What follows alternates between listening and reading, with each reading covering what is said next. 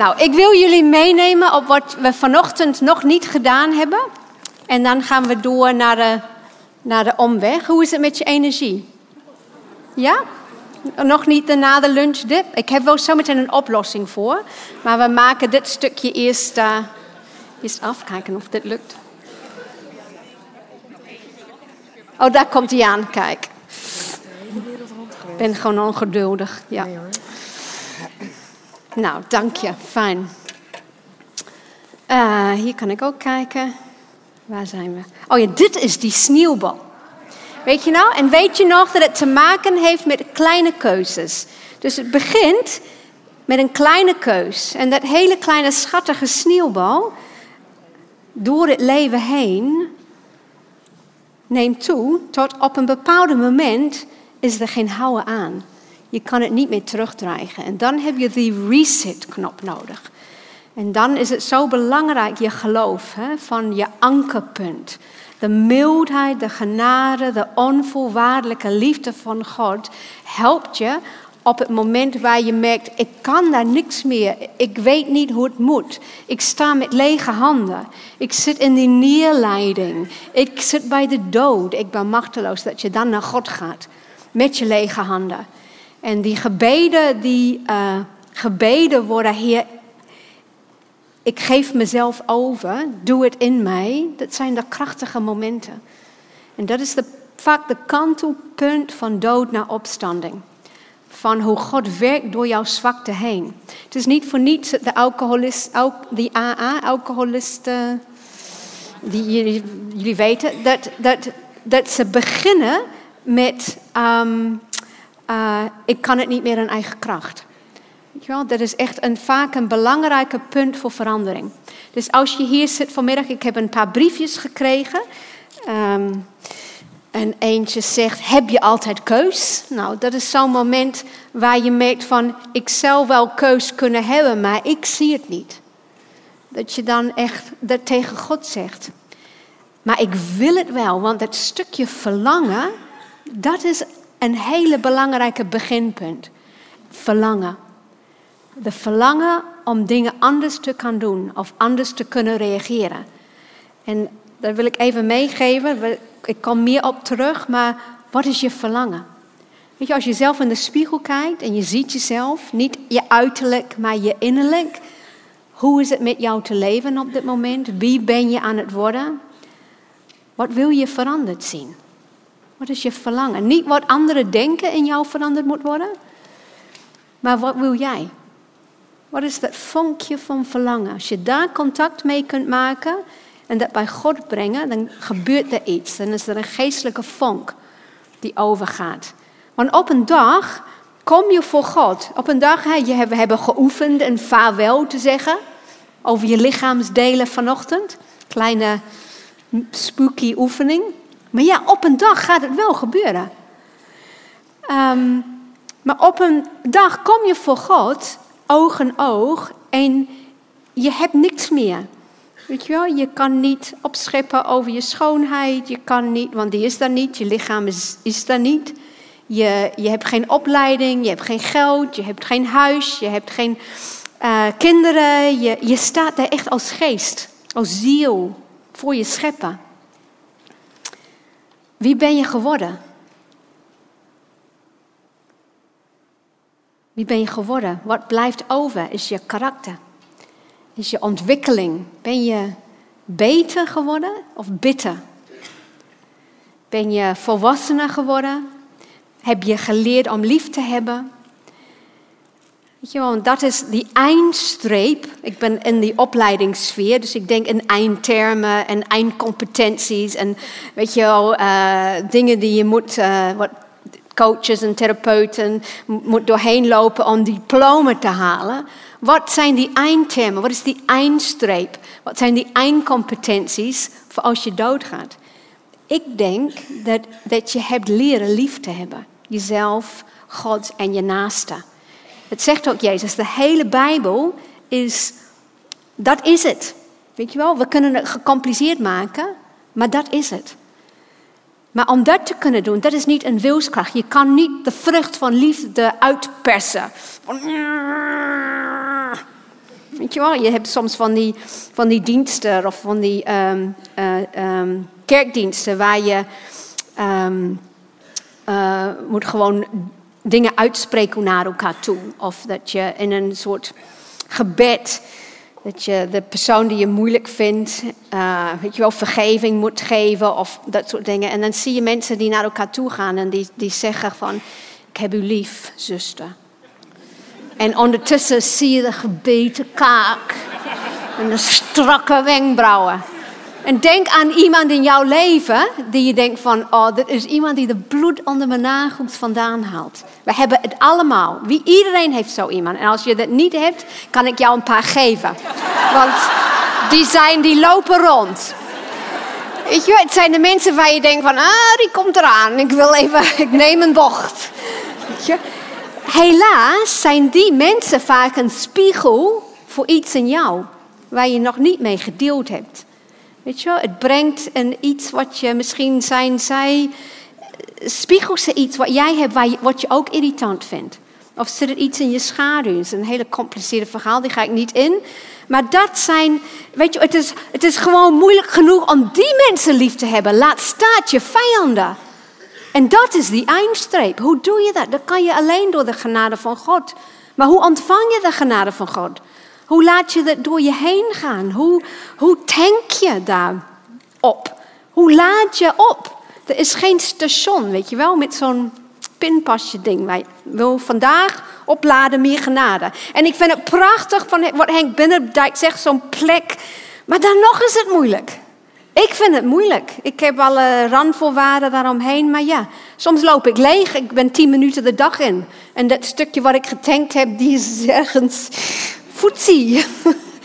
Hebben jullie dat ook niet? Ja, het is echt moeilijk het leven. Je vijanden leren liefhebben. En we zijn nog niet klaar totdat we dat hebben kunnen doen. En hoe doen we dat? Nou, als je denkt van, nou, ze heeft vijf tips, ik ga het opschrijven, morgen lukt het, leef je in een illusie. Ik kan je, wat zijn je verwachtingen? Ik denk dat je verward naar huis gaat. Dat is realistische verwachtingen van, hoe zit dat? En misschien heb je meer vragen dan waarmee je gekomen zijn. Van hoe doe ik dat? Welcome to life. Life is moeilijk, ingewikkeld. Er zijn geen vragen. Er is niemand die alle antwoorden weet. We zijn allemaal een beetje als bedelaars op zoek naar brood. De brood is daar. En misschien met z'n allen pakken we de kruimels en we maken iets van. Maar ik wil jullie echt de boodschap geven: het is niet raar dat je soms worstelt. En een paar vragen die ik gekregen heb. Ehm, ik lees eentje voor, het is anoniem. Om even te geven, dit zijn de dingen die ik hoor in de praktijk. Dit zijn echte verhalen. Ik ben als kind door moeder emotioneel afgesnoerd en door vader seksueel misbruikt. Hiervoor zit ik in een herstelproces. Maar merk dat ik, daar, dat ik daardoor die bril naar God blijf kijken. Zou ik hem ooit kunnen zien als gevende, eerlijke, liefdevolle vader? Hoe dan?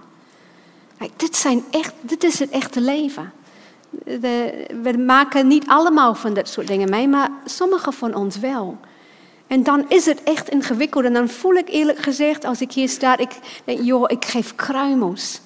Waar je misschien wat van proeft, maar dat heeft echt uh, reële, uh, door, of hoe zeg je, degelijke antwoorden nodig. En dat kan ik niet in 1, 2, 3 vandaag zeggen. Misschien heb je wat aan de tips die ik geef, maar dat herstelproces, dat gaat lang duren. En het beeld van God, want wij kijken allemaal eigenlijk door de bril van ons uh, aardse vader en moeder naar God. Dit is heel lastig. En het is, de clue is om dat langzamerhand af te schillen. En te zeggen tegen God, u, ik weet dat u niet zo bent. Maar het voelt wel zo. Help mij. Dat zijn krachtige gebeden. Help mij om u echt te ontdekken. Het heeft mij echt heel veel tijd gekost om God, mezelf over te geven aan God. Want ik had zo'n moeder die zo indringend was. Weet je wel, was, zij verstond de begrip privacy niet. Dus ik was echt op mijn hoede. Kom niet dichtbij, want ik had geen vermogen om als kinder mijn grenzen te bewaken. En het heeft me heel lang gekost om God te leren kennen als de moederfiguur die niet indringend was, maar die warm en koesterend was. Heb ik echt moeten leren en dat doe je niet zo. Het kost je tijd. Change happens slowly. We waren bij die sneeuwbal. Ik wil nog even iets uitleggen over keuzevrijheid. Iemand vraagt, vraagt uh, heb je altijd keus? Daar ga ik vandaag wat meer in. Over levenslang leren en wat is kiezen. Dus die antwoord ik zo meteen. Weet je nog, vrijheid is die innerlijke ruimte om vrij te kiezen. Wat is dat keuzevrijheid? Stel nou voor dat je hebt zo'n polariteit. Polariteit is die extreme kanten. Dat zijn, weet je wel, die twee sloten. En hier is bijvoorbeeld wegcijferen en zelfzorg. Dat is een, een uh, hele bekende waar vrouwen last van hebben. Hoe, hoe doe ik dat? Hoe kies ik tussen voor mezelf zorgen? Dat voelt egoïstisch.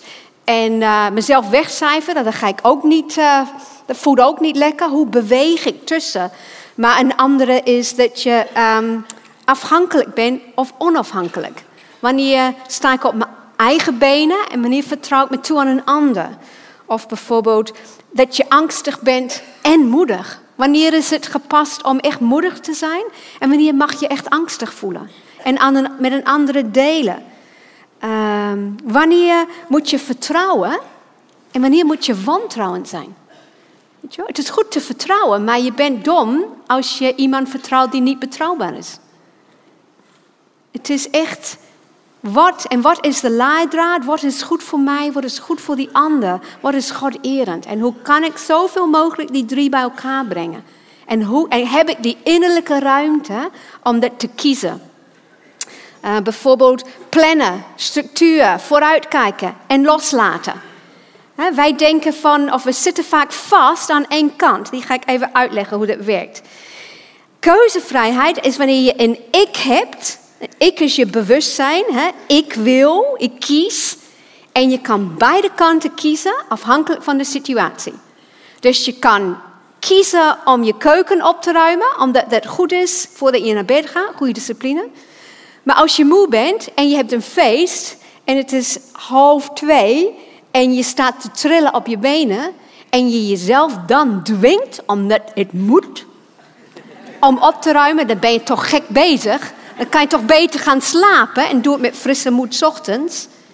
Dus het hangt van de situatie af.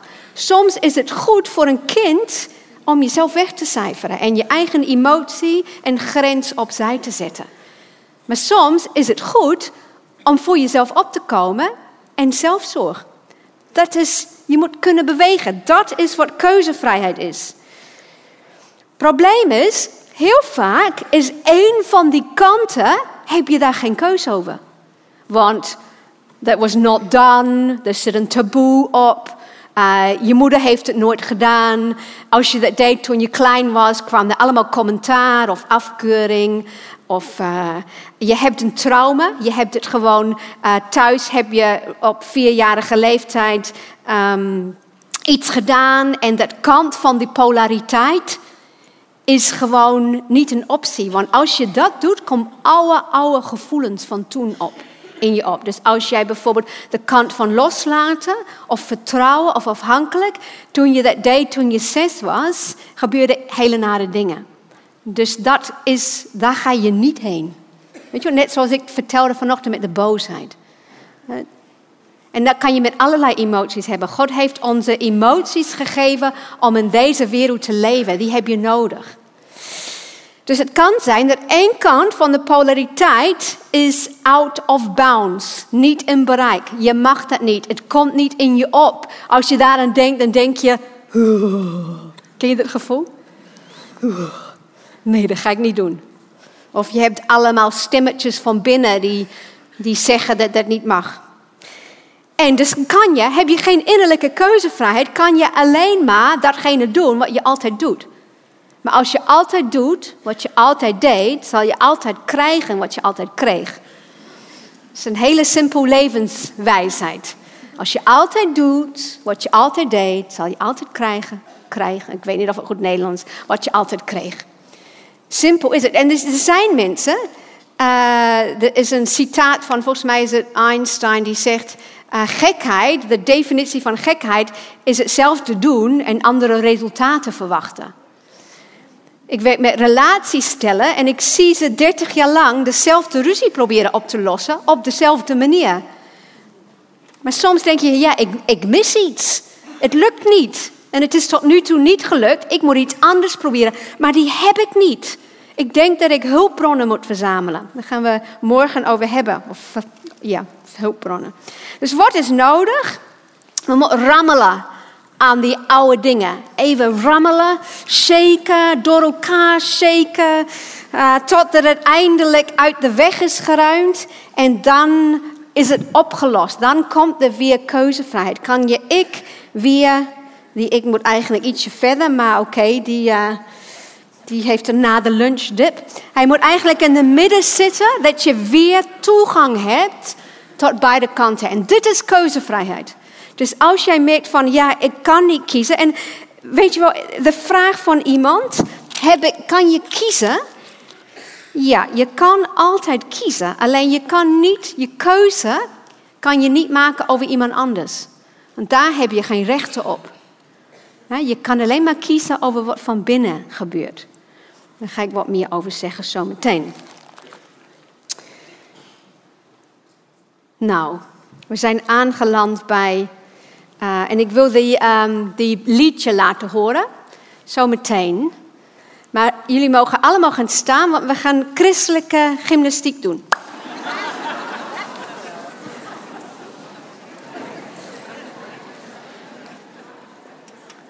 En uh, zometeen komt er een heerlijk uh, liedje die niet gespeeld wordt in de kerk. Dus uh, bereid je alvast. Maar dit zijn wel door de Bijbel goedgekeurde dansbewegingen. Ja? Dus laat het even spelen. Leg alles neer. Even weer die energie laten stromen. Komt ie? Oké. We gaan even David en Goliath. Dan ga je met je, je lasso, met je rechterarm. Even de muziek, ja. Op de, ja. En dan gooi je naar de reuzen. En dan die andere arm. Pas op voor je gevroren schouder. Even geen letsel. Even en die andere arm. Yes! En nu gaan we Samson in de tempel, de pilaren opgang. Even de pilaren wegduwen. Pilaren. Ja, door Samson. Oké, en nu gaan we uh, zaaien en oogsten. Zaaien. Ja, helemaal zaaien. En aan die andere kant zaaien. En dan oogsten. Oogsten. Christelijke gymnastiek. Ja, oogsten, naar binnen halen die oogst. En nu gaan we um, de kop van de slang vermozzelen. Ja, even goed vermozzelen. Stomme rot beest is dat. Helemaal weg. Weg met... Oké. Okay.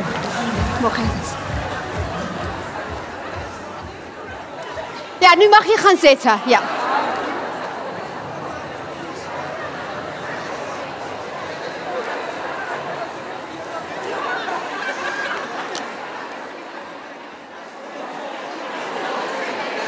Dat zijn. Uh, hoe maak je christelijke waarheden eigen? Dat is. Uh,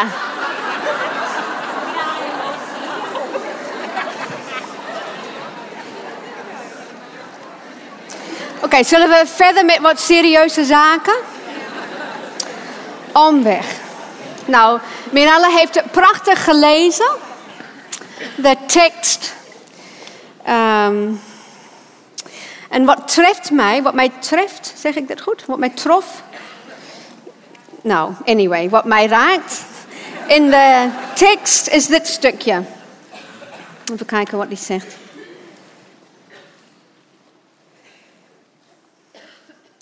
Ook al was dat de kortste route. God dacht namelijk, het is altijd fijn als je denkt dat God. Uh, hoe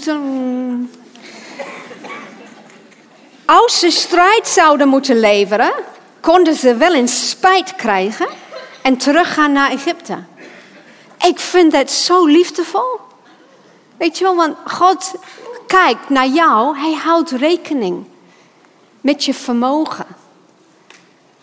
Hij houdt rekening met je vermogen of met je onvermogen. En wat doet hij dan? Hij creëert een weg waar je dat gaat leren wat nodig is. En dat is waar deze seminar over gaat: lifelong learning. Dus hij liet de volken omwet maken door de woestijn. En hij zegt: Goh, ze zijn niet sterk genoeg. Ze zouden spijt krijgen en terug naar de slavernij, maar ik wil mijn kinderen vrij hebben. En als ze vrij zijn, als ze de tocht maken naar het beloofde land, dan is het nodig dat als ze er aankomen, dat ze kunnen strijden. En dat ze niet um, geïmponeerd raken door de reuzen en door de land die ze in moeten nemen. Ook ergens anders in de Bijbel zegt dat God de vijanden in het land lieten, zodat kinderen de, de kunst van het vechten en van het strijden niet zouden afleren. Dus God is bezig met je karakter. Hij is bezig om jou te kijken, wat heeft mijn dochter nodig? En ik denk dat je dat doet voor degene die kinderen hebben met je eigen kinderen. Dat je dat kent, wat kunnen ze aan en wat kunnen ze niet aan. Of ook als je geen kinderen hebt en je op je werk heb je met mensen te maken aan wie je leiding geeft. Wat kunnen ze aan, wat kunnen ze niet aan? En hoe kan ik helpen dat ze groeien in hun karakter en competenties? Ik noem dat Gods leerschool. Gods leerschool. We hadden het over vanochtend over de principe van de opstanding is hulp dat te laat komt voor ons. Niet voor God. Hij is er niet onzeker over. Weet je, heb je er ooit over nagedacht? Ik heb vaak van die filosofische gedachten waar ik dan maanden op ga kouwen. Ik lees dan theologen en filosofen die wat over zeggen. En een van die uh, dingen die mij vaak bezig heeft gehouden is... alleen een zekere God kan...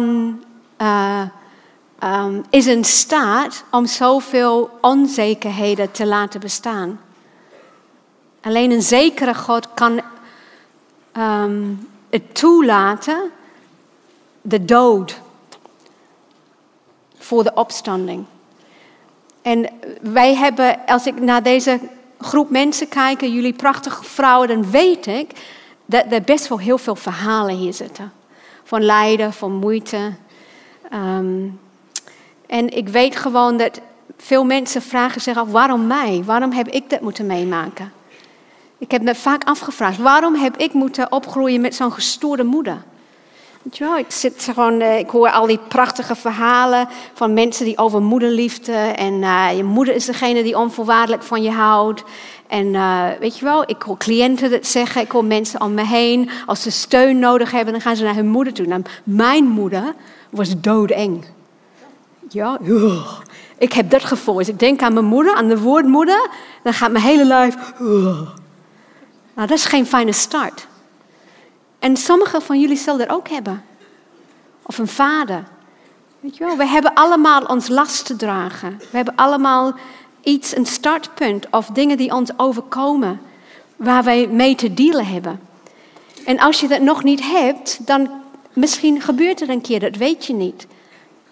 Maar wat doen we dan? En ik hoop dat de seminar vanmiddag daar jullie wat uh, zicht op geeft. Er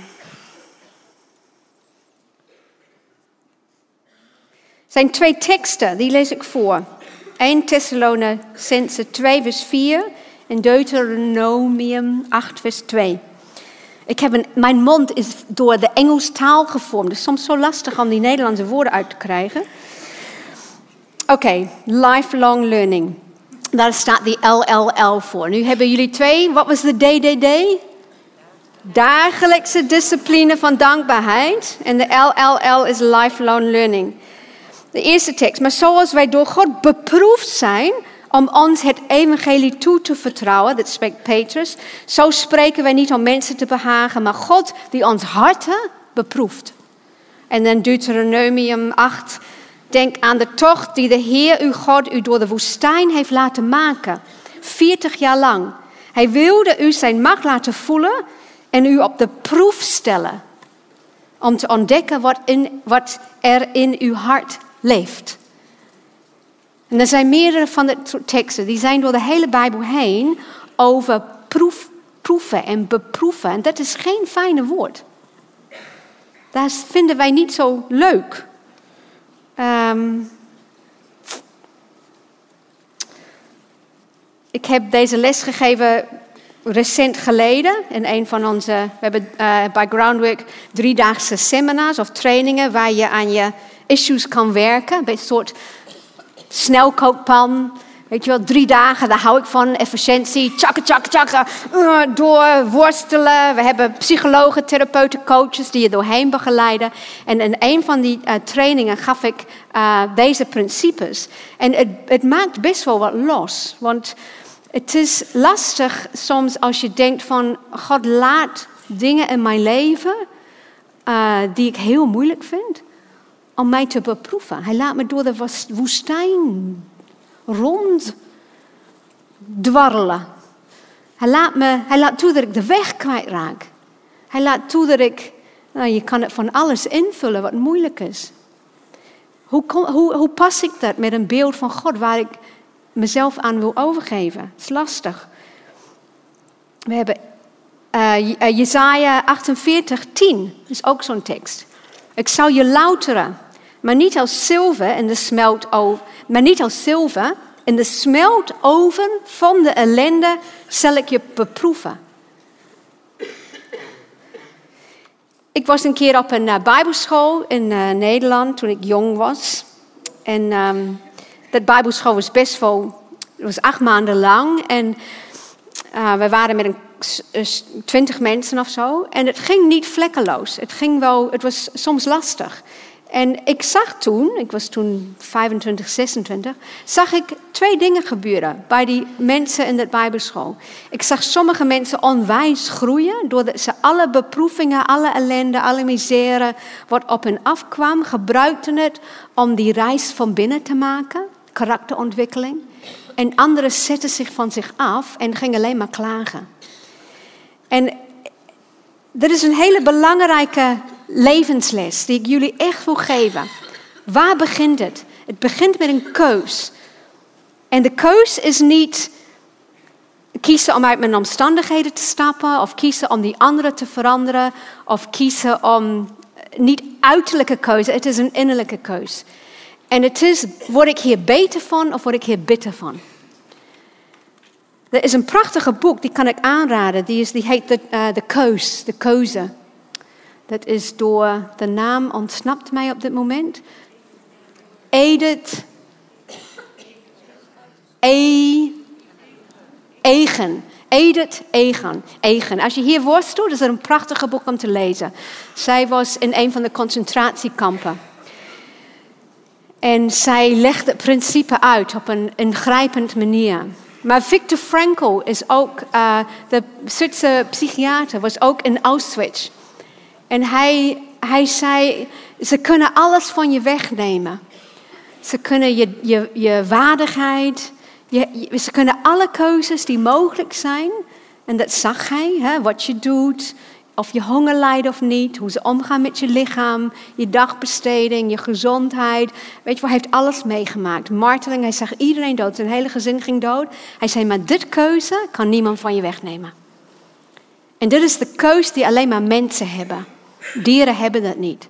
Dit is, wij zijn de kroon van de schepping. En dit is die verantwoordelijkheid waar ik het over had vanochtend. Word je hier bitter van of beter?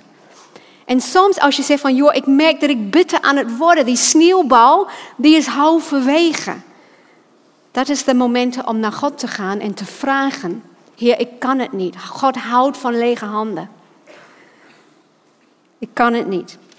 Oké, het leven is een soort proefperiode. Een soort baan, een proef, stormbaan die je meemaakt. Als je denkt van, wat mis, je mist niks, dat was extra die ik dan uh, in een spontane, chaotische opwelling ingedaan heb, maar het sloeg nergens op. Zijn die angstige momenten, hoe praat ik anderhalf uur vol? Nou ja, sommige dingen is het Het verschil zit in de I. De ik. Of zoals we het zeggen in Engels, de I. Word ik beter of bitter? Oké, soms heeft die omweg te maken, soms is het een soort splinter. Weet je wel, als je denkt aan een splinter in je voet die je hebt, en dan elke stap die je neemt doet het zeer. Ken je dat? Of in je hand, zo'n splinter die diep in zit, het wordt ontstoken en je, het blijft gewoon zeuren. Soms zijn de moeilijkheden als een splinter. En soms zijn ze als een doorn. Dan ga ik zo meteen uitleggen wat dat is. Maar we hebben een doel. Jullie hebben een doel, een verlangen. Probeer eens even contact te maken met de verlangen die je vanochtend, waar ik net, niet vanochtend, net zei, waar verlang je naar? Neem eens even een moment om een gebied in jouw leven te bedenken, waar wil ik in groeien? Waar verlang ik naar? Soms helpt het om je ogen te sluiten.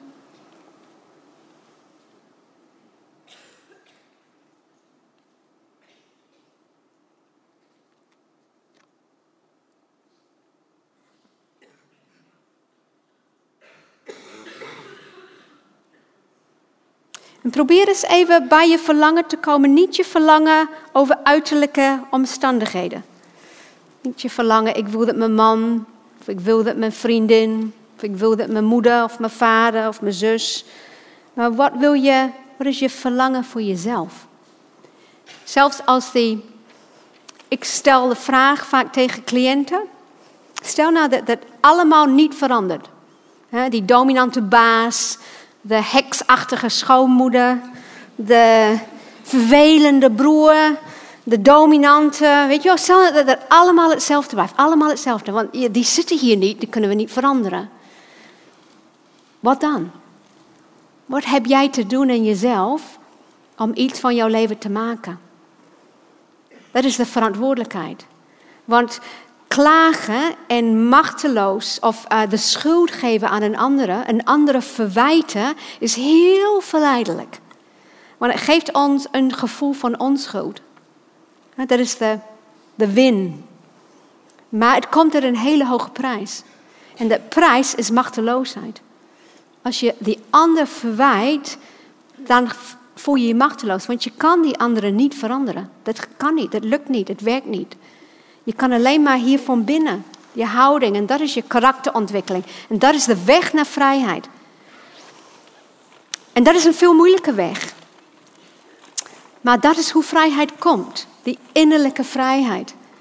En dat is, je, je, je, het is uh, iets wat je in je leven ver, verwerft. Is dat een woord? Ja. Je moet het even eigen maken. En de eerste stap is een keus. Een keus, maak een keus.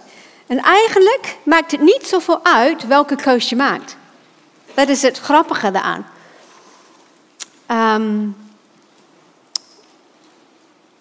er is een begrip of een um, toestand en dat heet, of nee, uh, probeer even te beschrijven. Er is een soort groep mensen. En dat noem ik existentiële vastlopers ingewikkelde woord. Dat betekent, je zou je leven kunnen zien. Vandaag hebben wij een prachtig voorbeeld met de tochten. Als een levenstocht, een pad.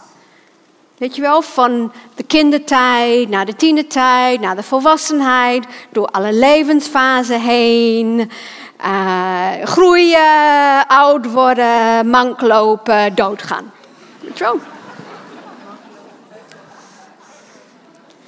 Ik denk soms, ik denk soms, joh, ik werk zo aan mezelf, weet je wel. Ik, eh, ik heb uren therapie gehad. Om, therapeut te worden moet je dat. En ik heb allerlei thema's aangepakt. En ik heb echt, ben echt gegroeid. En soms denk ik, joh, nu ben ik klaar om kinderen te hebben. nu ben ik klaar om mijn leven overnieuw te beginnen. Als ik zo geboren was als ik toen was, nou... Dus je, je maakt alles, alle groeistappen mee en, je, dan ga je dood. Dus toch...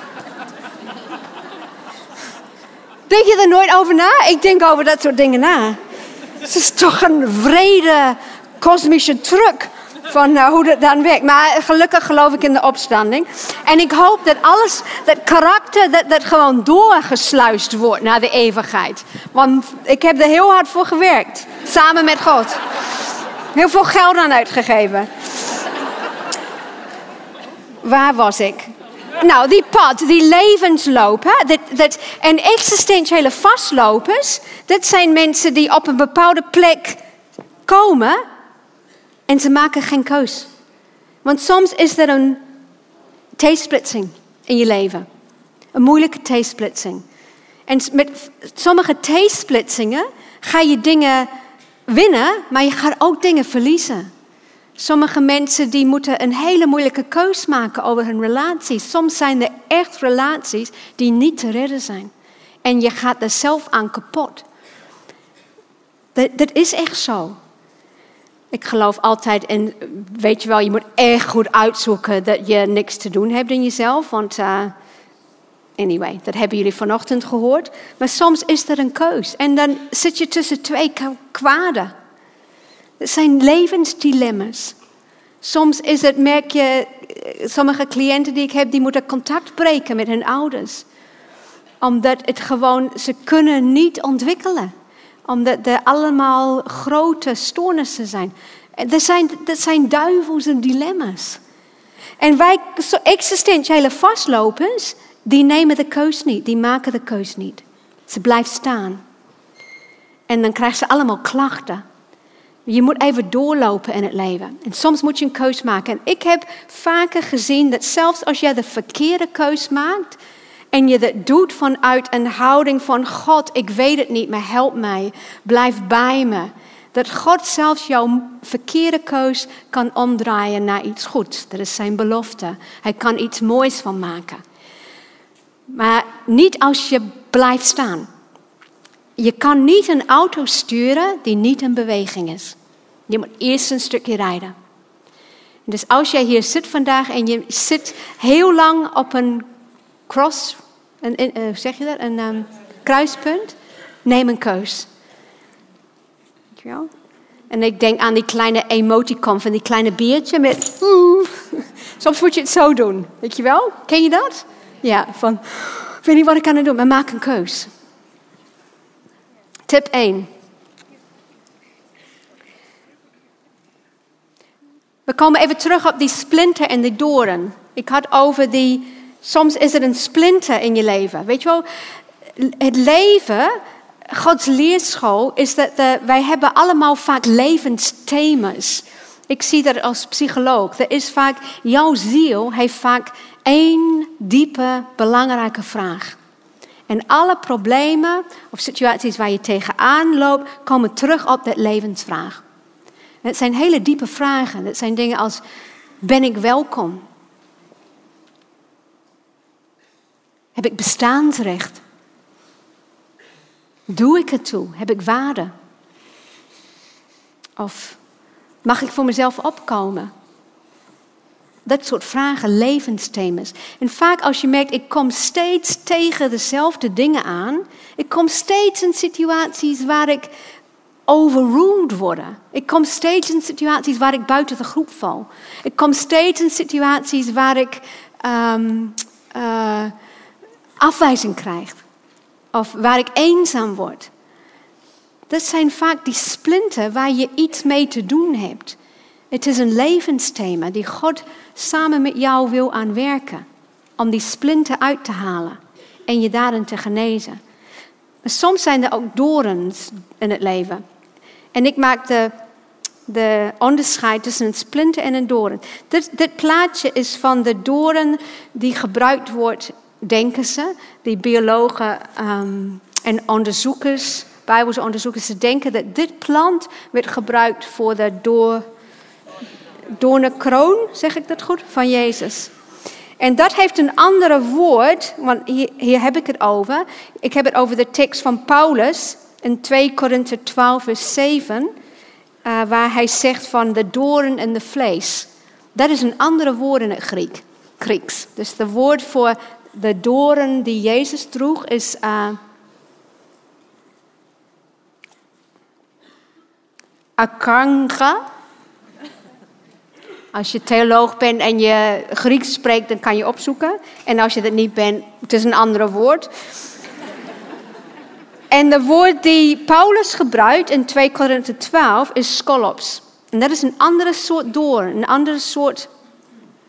En ik noem dat een splinter. Dat is iets wat in je gaat zitten en het, doet, het is vreselijk irritant en je hebt er last van en daardoor loop je soms mank als het in je voet is. En je wil heel graag dat het opgelost is. En als ik deze les met jullie meenam, ik heb het over die splinter. Maar soms heb je een doorn in je leven. En dat is een grote tragedie. Dat is dingen als een kind verliezen. Of als seksueel misbruik meemaken. Of als, nou noem het maar op, misschien ken je als je hier zit jouw grote doorn. Wat je niet, weet je wel, het is grote lijden. En dat kan je niet, ik zie dat niet als Gods leerschool. Ik maak een verschil. Dat is gewoon verschrikkelijke dingen die niet had mogen gebeuren. En daar zie je wat is Gods houding. Hij draagt het voor je. Hij draagt het met je. En ik wil niet dat je die twee verward als ik hier zo meteen over ga praten over Gods leerschool, over beproevingen. Dat je denkt van ja, maar heeft God dat toegelaten om mij een les te leren? Nee, dat is niet Papa God. Papa God is wel aan je levensthema's werken, wel aan je karakterontwikkeling, maar niet een last op je leggen die te moeilijk is. Dat is door een gevallen wereld, door de zonde van anderen. En ook soms door evil in nature. Theologen zeggen dat is door de gevallen wereld is er ook uh, kwaad en zonde in het natuur, waardoor catastrofen zijn, waardoor er ziekte is, waardoor de dingen ons overkomen, en grote lijden. Ik heb heel vaak te maken met cliënten die vastlopen omdat die kerk waar ze in zitten geen theologie heeft op lijden.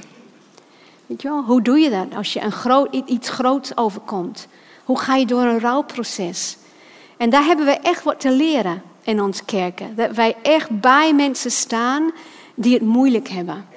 En die, die lijden. En dat ze mogen huilen en ze niet altijd in die overwinningssfeer hoeven te zijn. Want soms zijn ze in de doodstukje. En kunnen we met elkaar bij mensen staan in de neerleiding, in de doden, voordat de opstanding ervaren wordt. Maar laten we even kijken naar de um, Gods leerschool. Even nog een klein voorbeeld. Ik ben, um, als ik denk aan een splinter en iets wat ik denk van, joh, waarom moet ik dat nou hebben? En uh, waarom, uh, waarom ja, vind ik gewoon stront vervelend? Uh, dat is, ik weet niet waarom je lacht, maar ik zou wel iets verkeerd gezegd hebben. Ik heb uh, Nederlands geleerd van mijn tieners, dus het is. Um, dat is bijvoorbeeld, ik, heb, ik ben hypermobiel. Ik, heb, ik heb, kan van alles doen, maar mijn, mijn lijf zit aan elkaar met hele losse. Weet je wel, het floddert een beetje. En daar heb ik heel veel last van. Ik heb echt, ja, ik heb gewoon dagelijks last van. Er zijn dingen die ik niet kan doen. Er zijn pijn die ik heb. Er zijn, uh, ze, gewoon, ze hebben een abonnement bij de fysio en de chiropractor. Gewoon stom. Ik wil dat niet. Ik, ik wil gewoon, uh, zoals mijn man, die kan van alles doen en zijn lijf doet wat het wil. Mijn lijf doet niet wat het wil, wat ik wil. Het doet het tegenovergestelde. Dat is zo'n splinter. En daar, daar heb ik mee te dealen. Maar als ik denk aan mijn ouders, mijn uh, broer is overleden toen hij vijf was door uh, een medische ongeluk. Gezonde jongen, zijn amandelen werden geknipt en hij ging gewoon dood. Hij bloedde dood. Uh, dat tragedie heeft onze gezin ontwricht. En ze zijn er nooit overheen gekomen. Weet je, dat is een doorn. Dat is, daar heb je niet van te leren. Je, wordt niet beproefd. Dat is gewoon verschrikkelijk. En sommigen van jullie hebben dat soort dingen meegemaakt. En ik wil daar goed, uh, dat je niet denkt van ze zegt van dat God dat toelaat om je iets te leren. Nee, dat is niet zo. Het is gewoon uh, lijden. Maar soms hebben we een splinter of iets wat ons overkomt en wij hebben daarmee te dealen. Het overkomt ons. We hebben daar niet voor gekozen, maar we moeten wat mee. En een van de dingen die, we, die heel belangrijk is, is dat je de lijden toelaat.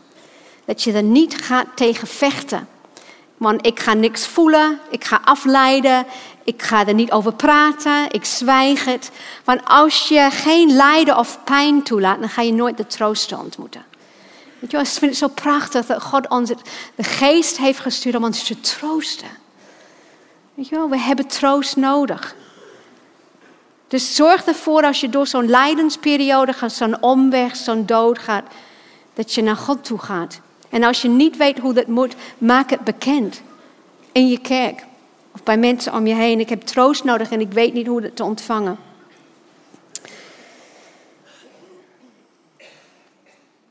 Dat zijn die levensthema's. Ik heb het nu over die splinter. De levensthema. Misschien ken je dat en dat zijn gewoon een paar, er zijn duizenden. Misschien kijk eens even doorheen. Even voor de podcast, zal ik ze even voorlezen? Ik moet alles alleen doen. Ik moet altijd alles alleen. Als het erop aankomt, moet ik het alleen doen. Mensen laten me altijd in de steek. Of liefde is bewondering, dus ik moet presteren. Of ik moet uh, zorgen dat ik, dat ik alles voor elkaar heb. Want als mensen mij bewonderen, dan ben, dan ben ik oké. Of ik moet nodig zijn. Weet je wel? Ik moet voor anderen zorgen, want alleen als ik nodig ben, als de mensen zijn er aan me klampen, dan heb ik bestaansrecht. Of uh, liefde is seks. Hè? Als ik maar, er zijn mensen die seksverslaving hebben. Als ik maar die seks heb, dan ben ik oké. Dan alleen voel ik me geliefd. Of prestatie, als ik maar hard werken, werken, werken. Ik heb pas waarde als ik presteer. Mijn waarde hangt af van wat ik doe. Of alles gaat alleen goed, dat is een van mijn favorieten, als ik alles onder controle heb. Maar weet je, God werkt ook door de dingen die je niet onder controle hebt. Ik heb daar echt moeten leren. Of alleen, misschien ben je alleen maar van waarde of ben je alleen maar veilig als mensen je goedkeuren. En als iemand boos op je is, of je afkeurt, dan moet je alles aan doen om de persoon te controleren dat hij weer blij met je is. Dat is geen vrijheid, dat is onvrijheid. Of dat je niks te willen hebt. Ik kwam naar Nederland, dat had ik nooit eerder gehoord. Ik kwam naar Nederland en ik hoorde mensen zeggen tegen kinderen: Je hebt niks te willen. Ik dacht, mijn hemel. Weet je hoe gestoord dat is? Je hebt niks te willen. Weet je wat je dan zegt tegen een kind? Je zegt: Jouw ik mag daar niet zijn. Dat is wat je zegt. Mensen die opgegroeid zijn met je hebt niks te willen, die hebben altijd per definitie identiteitsproblemen. Want je wil is heel dicht bij je, bij je ik. En je kan pas dingen voor elkaar krijgen als je weet wie je bent en wie je bent en uh, wat je leuk vindt en wat je niet leuk vindt. Daarom, waar verlang ik naar is zo belangrijk.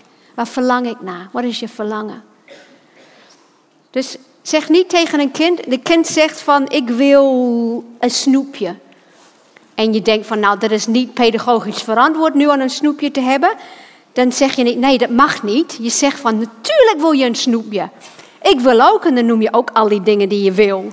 Het kan altijd, kan niet altijd, zeg je, maar dat wil, wat dat kind wil, daar ga je even in mee. Niet dat je dat hoeft te doen, maar je bevestigt dat die recht heeft om iets te willen. Heel belangrijk. Ik zie jullie mij aanstaren. Is dit nieuw? Nou, ga eens even naar huis, pak eens even de spiegel. En kijk je in de spiegel en zeg, dat mogen we nu doen, we moeten een beetje actie in de midden. Pak even je spiegel. Als je het niet hebt, heb je het weer in je tas gestopt. Al die Nederlanders die alles opruimen. Steek het in je BH. Dat is, uh, heb je het paraat. Dat doe ik altijd met mijn OV-chipkaart. En dan denk ik... Kijk eens in die spiegel. En zeg tegen jezelf, kijk jezelf in de ogen en zeg, jij mag wat willen. Jij mag wat willen. Jij mag wat willen. Jij mag wat willen. Mag echt. Niet dat je het altijd krijgt, maar geniet van het willen. Ik heb zo'n uh, kleinzoon die net in de peuter, weet je wel, die uh, kinderpuberteit is. Ik wil niet. En dan denk ik, goed zo. En zijn moeder is. En ik denk, ja, dit is Gods, dit is Gods rechtvaardigheid. Want zij was zo. Oh. Zij was echt. Oh, wat was dat kind dwars? Kleinkinderen zijn de effenen van de rekening. Tweede tip. Omarm je machteloosheid als anderen hun soevereiniteit uitoefenen. Weet je wel, jij mag echt iets willen, maar die andere mag dat ook. En heel vaak botsen ze met elkaar. Ja. En soms kan je alles aan doen om te proberen tot een win-win of een onderhandeling of eerst jij dan ik of al die soort sociale vaardigheden en relaties. Soms kan je dat doen, maar soms is iemand niet te veranderen. En dan voel je machteloos. En voel je machteloos. En dat is een gevoel die hoort bij het leven. Het is een vreselijk gevoel. Wie vindt machteloosheid vreselijk? Ja, ik vind het de meest afschuwelijke gevoel. Ik ben liever bang en boos dan machteloos. Maar het hoort erbij, want jij hebt zeggenschap over jouw stukje. Jouw wil, jouw behoeftes, jouw gevoelens, jouw wensen, jouw verlangens, wat jij nodig hebt. Maar die ander heeft het ook. Ik heb een familielid op dit moment die niet met mij wil praten, die contact heeft gebroken. En ik ben therapeut. ik ben psycholoog. En ik heb alles gedaan om dat relatie te herstellen. Ik heb alles gedaan. En het, dat persoon wil dat niet. Dus ik voel me er heel machteloos in. Dus elke dag sta ik op en ik omarm mijn machteloosheid. Ik verdraag het. Het hoort soms bij het leven. Als je kinderen hebt en ze gaan door een uh, puberteit of ze gaan even, uh, um, weet je wel, een andere weg. En jij, je voelt het, dat is de machteloosheid. En heel veel moeders, die, ik ook, weet je, je tong afbijten. Dat je niks zegt. Wie vindt het moeilijk? Ja, het is ook moeilijk. Maar omarm dat. Weet je wel, zit op je handen. Kou op een snoepje, zodat je niks zegt. Gewoon geef dat kind de ruimte. Die heeft ook keuzevrijheid nodig. En jij hebt macht, die oefent zijn soevereiniteit, het zelfbeschikkingsrecht, door God gegeven. En soms heeft, heeft hij of zij die omweg nodig. En als jij er bovenop zit, met al die uh, pedagogische verantwoorde vragen of tips of advies, dan gaan ze langer door de woestijn lopen. Ik weet, makkelijker gezegd dan gedaan. Maak een analyse van je levensthema. Is het een levensthema, hè? een van de dingen die splinters? Of is het zinloos lijden, een doorn? Is het een splinter of een doorn? En als je dat niet weet, ga met iemand zitten. En als het wel een splinter is, een van die levensthema's, waarom ga je de hele tijd daar tegenaan? Waarom loop jij nou, waarom gebeurt jou dit altijd? Dat zijn de dingen. Weet, waarom overkomt mij dit weer? Dat is die splinter.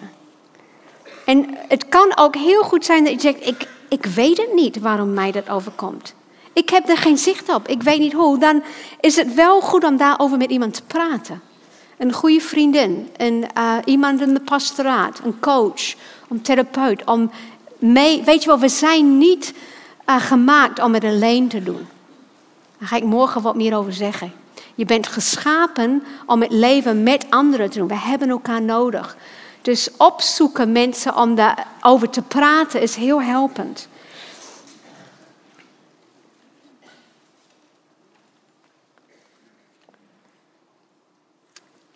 Een andere belangrijke iets is je leerzone. Want we gaan deze weg, deze omweg over Gods leerschool. Er is een paniekzone er is een leerzone en er is een comfortzone. De comfortzone is waar je waarschijnlijk nu bent.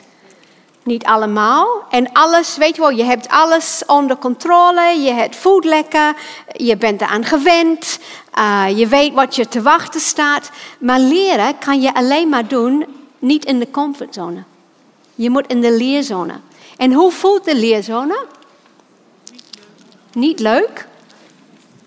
Het voelt verwarrend. Verwarring is een essentiële onderdeel van verandering. Heb, er zijn een heleboel heel principes over verandering. Ik kan er niet in deze seminar alles over zeggen. Maar er is, ik heb een boek geschreven, veel van jullie hebben het al. Maar als je het niet hebt, zitten er principes in over verandering. En dat kan je even, dat zit daar ergens achter op een tafel. Even terug naar de leerzone. Verandering vindt plaats in de leerzone. En een van de essentiële elementen van verandering is verwarring. Weet je wel? Het, is, het zit gewoon in. Je denkt van, hoe, uh, hoe zit het en wat doe ik? En ook een andere essentieel onderdeel is dat je bewust onbekwaam voelt. Als je wil groeien, dan ga je dingen doen die onwennig zijn. Die niet lekker voelen. Die eng voelen. Maar je moet niet doorslaan naar de paniekzone. Ken je de paniekzone? Ja, dat is wanneer je overweldigd bent. En dan kan je ook niet meer leren. Een kind die in paniek is, kan niet meer leren. Je brein kan niet leren als je in paniek bent. Dat uh, sluit stresshormonen, vind ik een belangrijk principe om toe te lichten. Stresshormonen lossen nieuwe hersensgroei op. Het is een oplosmiddel.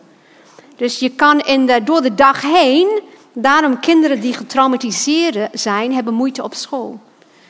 Want ze, zijn, ze, groeien op in een onveilige omgeving waar er geweld of mishandeling is. Dan gaan ze naar school en hun hersen is, er zit te veel stress. En dus wat ze leren overdag, kunnen ze niet consolideren. Want de stresshormonen lossen de nieuwe groei op. En zo is het ook met ons. Als je te gestrest bent, dan kan je niet leren. Dus de kunst is om in de leerzone te blijven. Wat wil God met mij? Wat is God in mijn leven aan het doen nu? En er zijn wellicht twintig thema's die je aan kan pakken, maar kies één.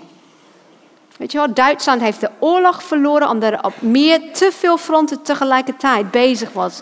Rusland, de geallieerden. Je kan maar één battle tegelijk. Kies een thema. Waar ga ik op focussen? Wat is mijn leerthema? Dat ik in deze woestijn, deze omweg ga leren. Of wat is God mij aan het leren nu? En als je hier zit en je denkt van, ja, dat is wel uh, mooi bedacht, maar ik kan het niet. Dan heb ik goede nieuws voor je, ik kan het niet, bestaat niet. Wat er wel is, ik wil het niet. Prima, dat is jouw zelfbeschikkingsrecht. Weet je wat, dat is jouw keus. Dat mag, dat je het niet wil. Wat ook bestaat is, ik durf het niet. Ik durf het niet. En natuurlijk zijn, uh, weet je wel, als je halve been hebt, dan ga je geen marathon lopen. Hoewel, er zijn wel mensen die dat doen met een prothese. Ik, was, ik had afgelopen jaar eh, op wintersport mijn knie gebroken. En dus we gingen, ja, lang, dramatisch, ellendig verhaal. Uh, dat komt dan uit mijn lichaam, weet je wel. Anyway, dus ik heb zes weken in gips, zes weken leren lopen, zes maanden revalideren. Twee weken geleden ging ik weer op wintersport en ik dacht, ik laat dit niet afpikken. Want ik ben, ik ben begonnen met skiën toen ik 46 was. Dus ik, ben, ik blijf mijn hele leven op de blauwe piste. Ben ik alleen maar blij als ik gewoon een beetje maar ik vind het zo leuk en we gaan met de hele gezin. Dus ik, ga, ik dacht, dit uh, dat ga ik doen. Dus de hele tijd met mijn benen gips zat ik te oefenen op de piste, weet je wel. Want ik, ik, we gingen terug naar dezelfde. Ik dacht, ik ga in mijn hoofd oefenen. Die bocht en dan langs die bomen. Dat stukje, en daar moet je opletten. Zat ik in, ja, dacht van, ja, je moet toch wat. En, uh, en het is ook gelukt. Alleen, ik was heel erg in die paniekzone deze afgelopen vakantie. Ik heb elke dag een emotionele meltdown gehad. Ik heb mijn man uitgescholden en ik heb uh, ruzie gemaakt op de piste. En ik heb je laat me altijd in de steek. En dat was ook zo. Dat was ook zo. Want hij zei, wacht hier, ik ga even snel naar boven, kom ik naar beneden, want ik was moe. Dus ik zat anderhalf uur te wachten, want hij ging naar boven, en ging hij weer naar boven. En ik dacht, oeh, nog een piste. Ja, dus even wat medeleven van jullie. Maar ik was in dat paniekzone. En eh, waarom begon ik hierover? Over die ski? Oh ja. Ik kan het niet, ik wil het niet, ik durf het niet. Ik durf het niet. Dus soms kan je dingen niet. Dus ik dacht, ik was een hele paar maanden waar ik dacht, ik denk dat misschien lukt het me nooit meer. Maar ja, sommige dingen, als je, soms kan het niet. Hè? Er zijn echt dingen. En toen, ik was in die stoellift en ik keek beneden en daar was een man in een rolstoel aan het skiën. Ja, echt. In een rolstoel. Die rolstoel was op skis.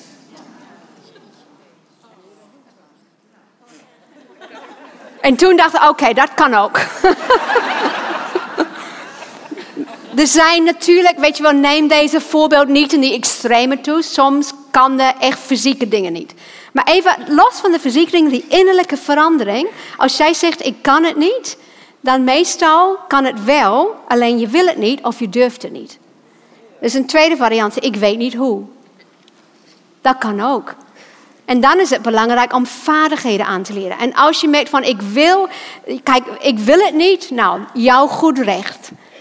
Ik durf het niet, dan is het belangrijk dat je een luie trap, hele kleine stappen zet, met goede begeleiding en bemoediging om succeservaringen op te doen. En ik weet niet hoe, dan is het belangrijk om naar iemand te gaan. Ik weet niet hoe. Hoe doe jij dat? Help mij hulp te vragen of vaardigheden aan te leren. Maar ik kan het niet, moet niet een excuus zijn. Dus kijk jezelf in de spiegel. Zeg ik dat als een excuus? Of zijn er mensen die het echt gedaan hebben? Ja, er zijn zoveel inspirerende voorbeelden. Tip vraag God een andere wat je te leren hebt. Vraag God een andere wat je te leren hebt.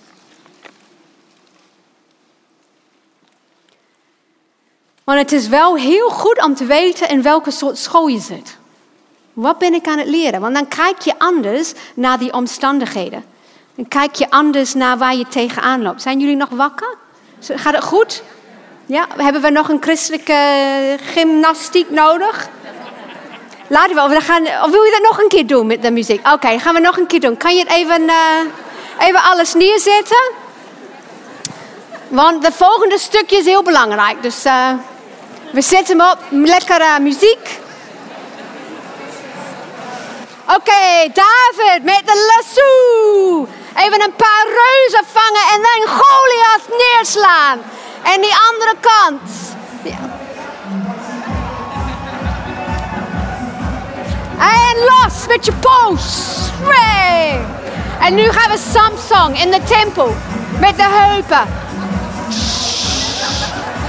Pilaren door de knieën, vrouwen.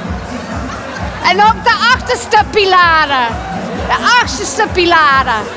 Ja, word je mooie billen, krijg je mooie billen van. Oké, en dan hebben we, even nog eentje. Dan hebben we saaien en oosten. Saaien. Ja, saaien. En saaien die andere kant. Ja, en oosten, die oost binnenhalen. Ja, heerlijk, die oost binnenhalen. En dan heb je de slangkop vermozzelen. Slangen. Oké, en laatste, de jeugd van overwinning. Yay! Oké, gaan we weer even zitten. Ik krijg het warm van.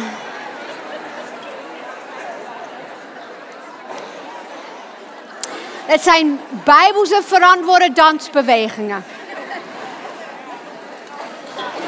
Oké. We hebben 20 minuten. We gaan even kijken naar Gods leerschool. Een beetje. Weet je nog, toen ik begon met die omweg, met die proeven. God beproeft je hart. God beproeft je hart. Hij laat je die omweg maken in de woestijn om iets naar boven, weet je wel, iets te, naar boven te krijgen. Wat is nou die splinter? En denk jij dat hij dat voor zichzelf doet? Hij weet al lang wat die splinter is. Hij doet het voor jou.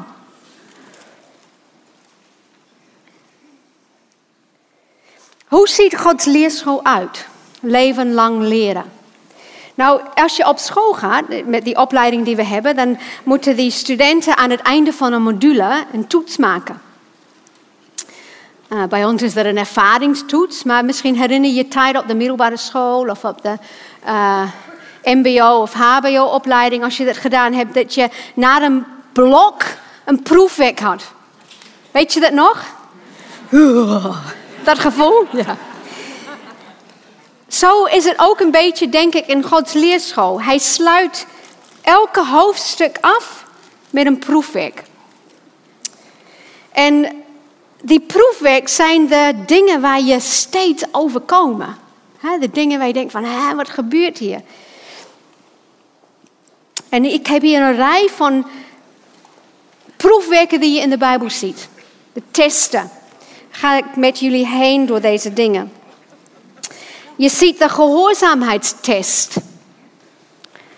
De gehoorzaamheidstest. Dat zie je. Ik ga die Bijbelteksten, um, de oh, verwijzingen, zeg ik dat goed? De references, de verwijzingen, um, benoemen en uh, schrijf ze op, kan je later lezen. Anders uh, zijn we te lang bezig. Um, dit is, de eerste is van, nou, ik, de eerste, ja, dat weet ik niet waar de eerste van, maar het is het verhaal van Saul en Samuel.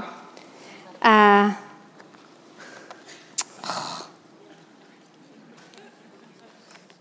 Ach, hij is aan elkaar geplakt. Daar, ik denk van, zo chaotisch ben ik nou niet. Maar ja, had wel gekund. Lucas 5, vers 5 tot 6. De gehoorzaamheidstest. Dat is niet het verhaal van Samuel. Nee. nee.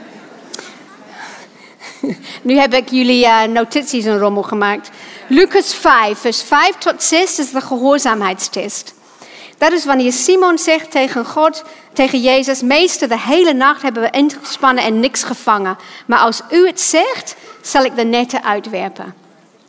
En toen ze dat gedaan had, zwom er zo'n enorme school vissen in de net.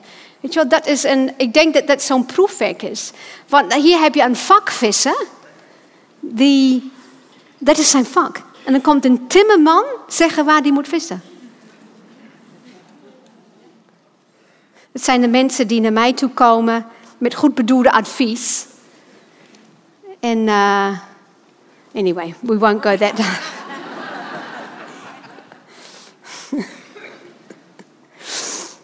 ik was. Um, ik had een, uh, afgelopen jaar kwam ik van skivakantie terug met mijn benen in gips. Nou, dit jaar kon ik bijna niet lopen, want ik had iets met mijn spier gedaan. Dus ik ging naar de fysio. En uh, ik had hem niet verteld over de wintersport. En uh, hij, zei, um, hij zei, wat is gebeurd? Ik zei, niks. Ik zei, ik ben twee weken geleden op wintersport geweest en nu kan ik niet lopen. Hij zei, was u wel bang op de piste? Ik kan hem meppen. Hij zei, want als je bang bent, dan ga ik zei, ik snap het.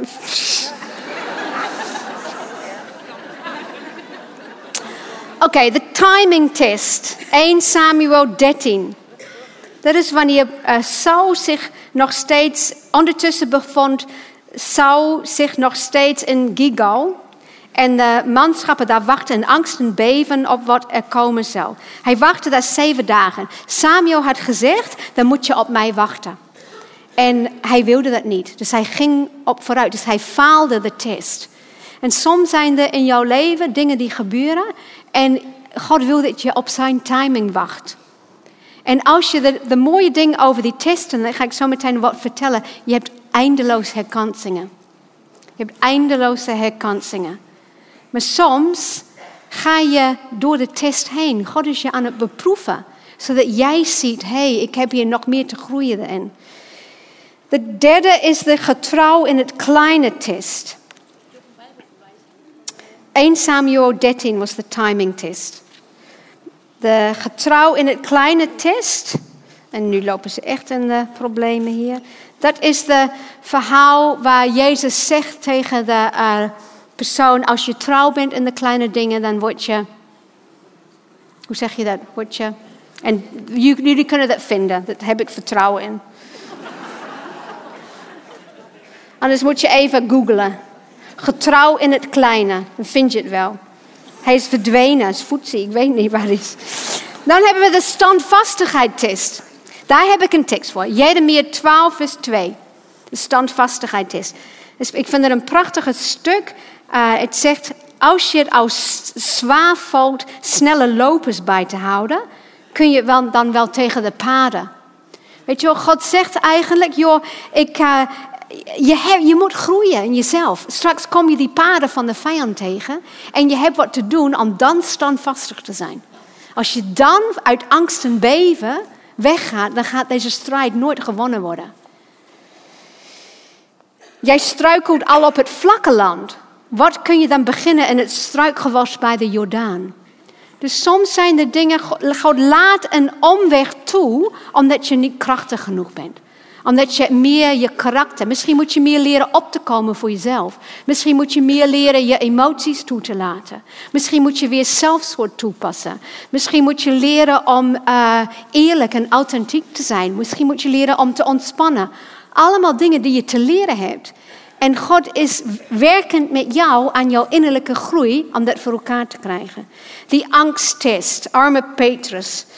Uh, Petrus was bang voor de mensen, weet je wel, waardoor hij Jezus verlogende. Maar ook zie je een prachtige, um, uh, hoe Esther geslaagd is voor die test. In Esther 4, vers 14. Als je nu je mond niet open doet, nu het moment daar is, komt er van een andere kant wel uitkomst en redding.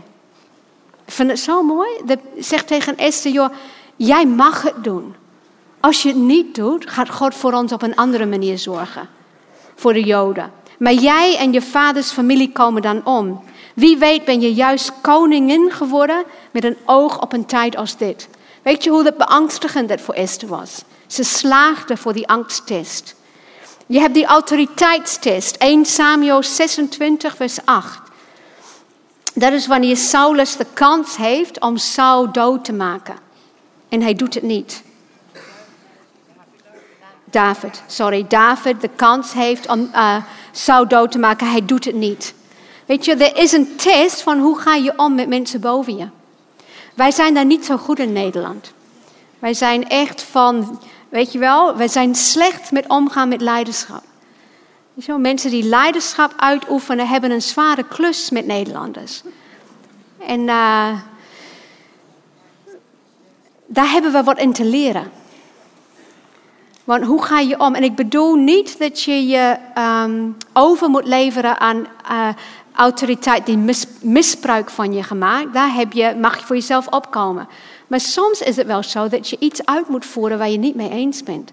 En nog respectvol blijven. Dat is ook een autoriteitswees. God gaat je geen autoriteit geven als je niet onder autoriteit kan staan. Dat is een Bijbelse test en een Bijbelse principe.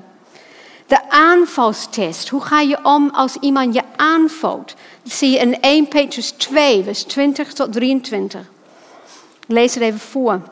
Leiding is uw roeping. Oeh, goodie.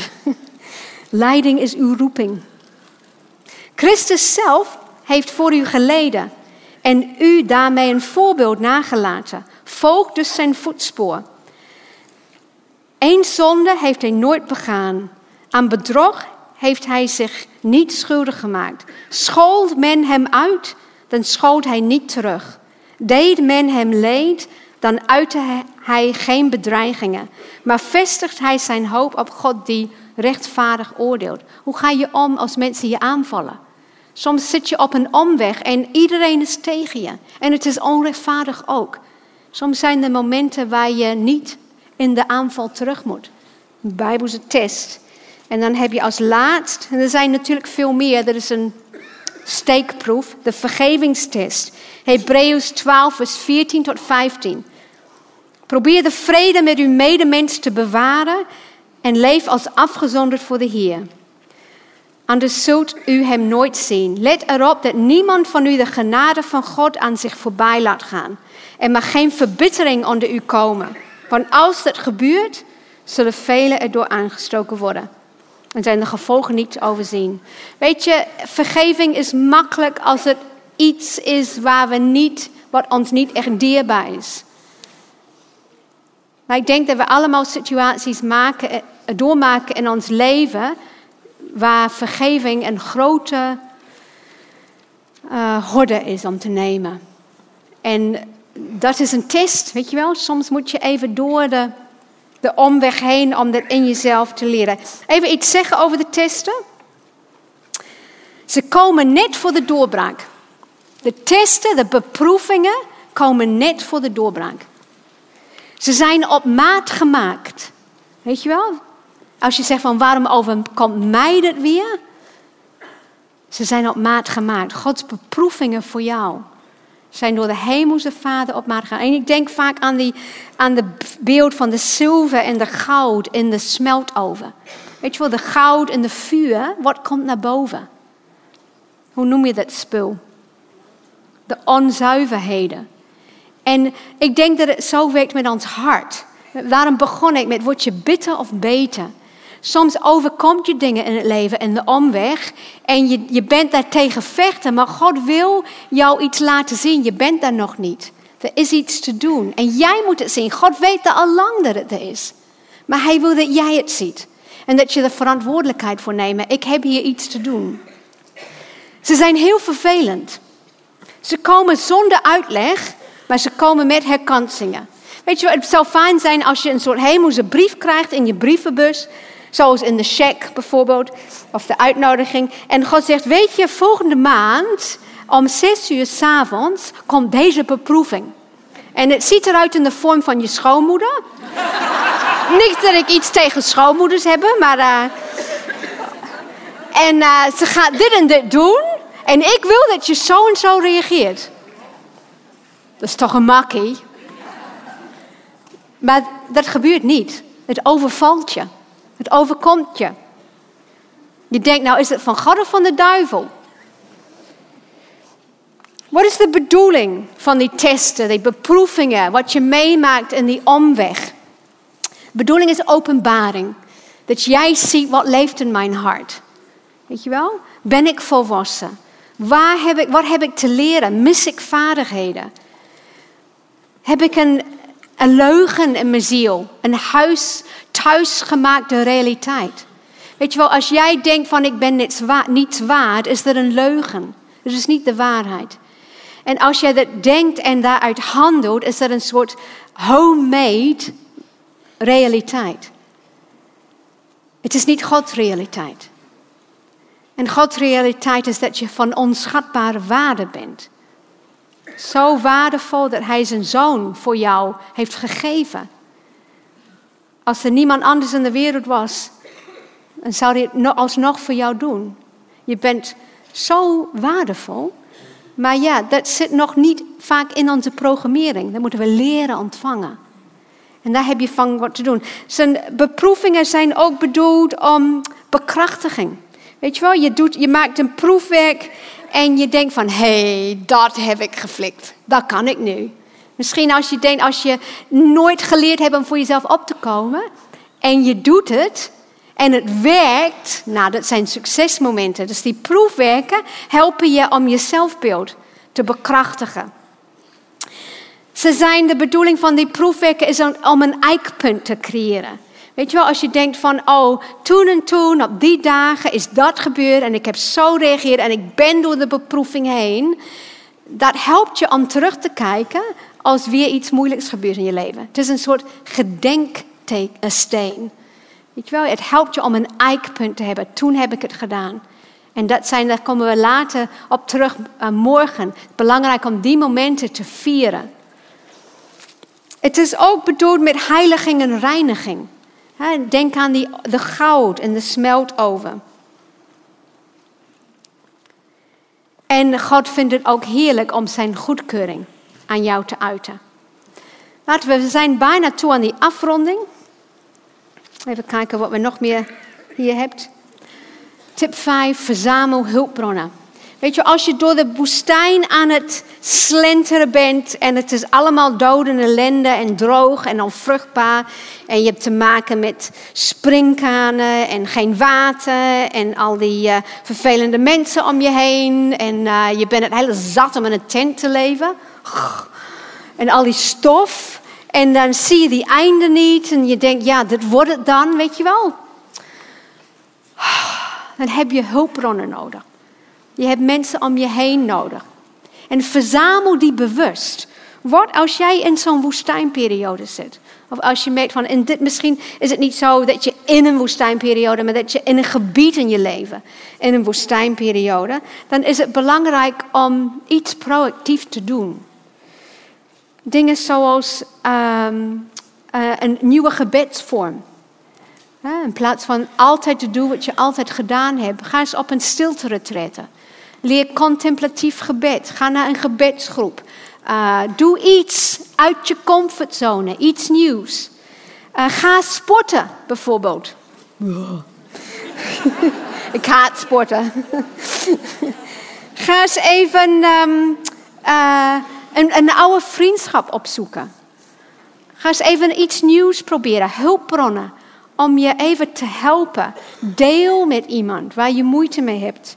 Ik vind dat we wat beter in kunnen doen in Nederland is onze vuile was buiten te hangen. Weet je wel, gewoon deel je moeite. Ik hoor vaak van mensen de verhalen en ik denk van, joh, deel dit met iemand. We zitten allemaal in hetzelfde schuitje. Niet allemaal met dezelfde dingen tegelijk, maar we zijn allemaal mensen. We hebben allemaal moeite met iets. Deel je verhaal. Wij hebben een, eh, een groep, een bijbelgroep, celgroep, connectgroep, huisgroep, kring, Eigenlijk is het geen van alle, maar zelf gemaakt. We komen al meer dan tien jaar bij elkaar, om de twee weken. Klein groep, zes, zeven, nou, zeven tot tien mensen, wisselt soms. We eten met elkaar en dan zijn we gericht met elkaar op persoonlijke groei. We confronteren elkaar, we houden een spiegel voor, we doen bijbelstudies, we doen, uh, we doen alles. We, we, leren over de kerkvaders, we gaan uh, naar een pretpark met de kinderen, we, we lossen ruzies op, we gaan elkaars huwelijken onder de loep nemen. We, maar we hebben echt van alles gedaan. De laatste keer deden we een kunstaart, zo met schilderen. En gewoon om te. En daar komen we. weten elkaar, we kennen elkaar door en door. En daar hebben we gewoon jaren aan gewerkt met elkaar. Dat zijn hele kostbare hulpbronnen. Waar is de plek waar jij echt je leven ondersteboven kan keren en andere mensen deelgenoot van maken? En mijn verlangen, mijn wens is dat we dat veel meer doen in kerken. Eigenlijk is dat hoe kerken bedoeld zijn. Nou ja, dat breken met de bek niet open. Hoe zeg je dat? Dat is vast niet goed netjes Nederlands, maar je snapt wat ik bedoel. Oké, alle tips op een rij. Maak een keus. Omarm je machteloosheid. Maak een analyse. Is het een splinter of een doorn? Ontdek je levensthema. Je leerthema. Verzamel je hulpbronnen. Heb je die allemaal? Even doorklikken. En dit is de definitie van vrijheid weer. Want hier doen we het voor. Vrijheid is die innerlijke ruimte om werkelijk en vanuit jezelf en ik wil eindigen, als ik tijd heb, heb ik even tijd? Hele kleine oefening. Ik heb voor degene die deze brief geschreven heeft over. Bedenk dat het voor jou bekend is, voor de meeste onbekend. Slowly, slow down, heb ik geprobeerd. Ging ik langzaam genoeg? Hoe leer je los te laten en het over te geven aan God? Dingen uit het verleden, maar ook dingen uit het heden. Dat is een hele grote vraag, want loslaten voelt wel in het klein als doodgaan. Misschien ga ik daar morgen meer op in. Maar laten we even een kleine oefening doen in Gods liefde ontvangen. Twee minuutjes. Leg alles neer.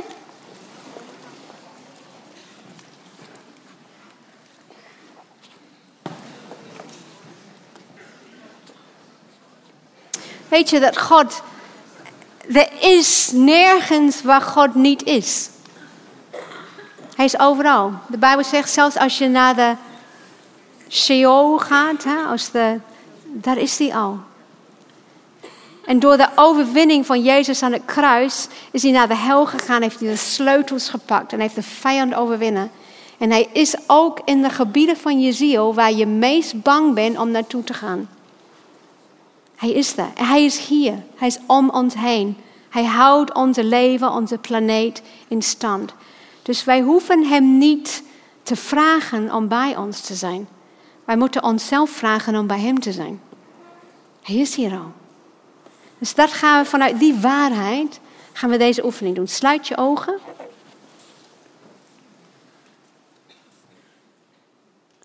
En volg je ademhaling. Je hoeft het niet te veranderen. Gewoon even met je aandacht naar je buik of je borst. En merk op de beweging. Dat is het heerlijke aan je ademhaling. Het is de plek van beweging in je lichaam. Dus je kan met je aandacht naartoe.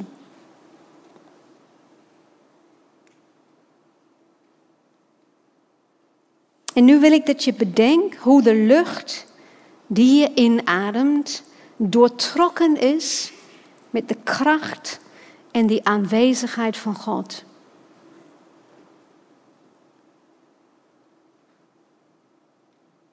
Denk aan de lucht als aan een eindeloze oceaan die je omringt.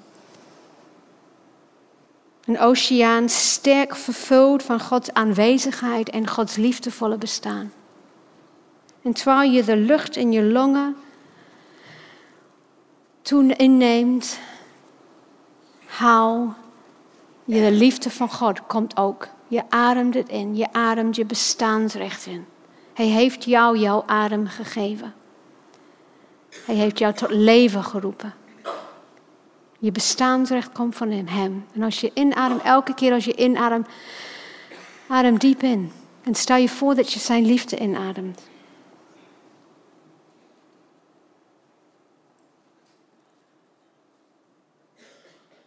En terwijl je uitademt, adem je alles uit van angst, van moeheid, van twijfel.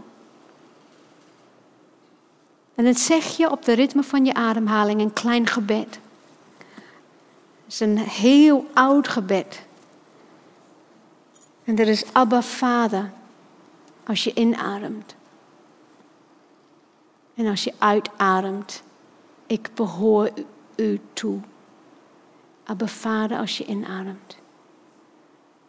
En als je uitademt, ik behoor u toe.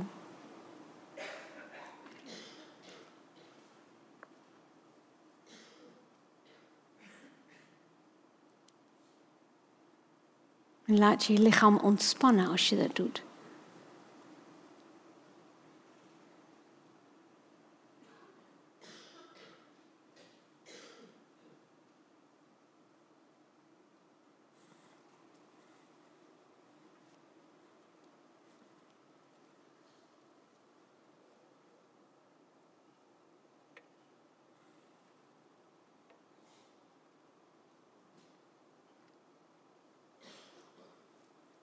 En neem een stapje in geloof en glimlachen. Het zou bijna waar kunnen zijn. Gods liefde is voor jou beschikbaar. Je mag het ontvangen.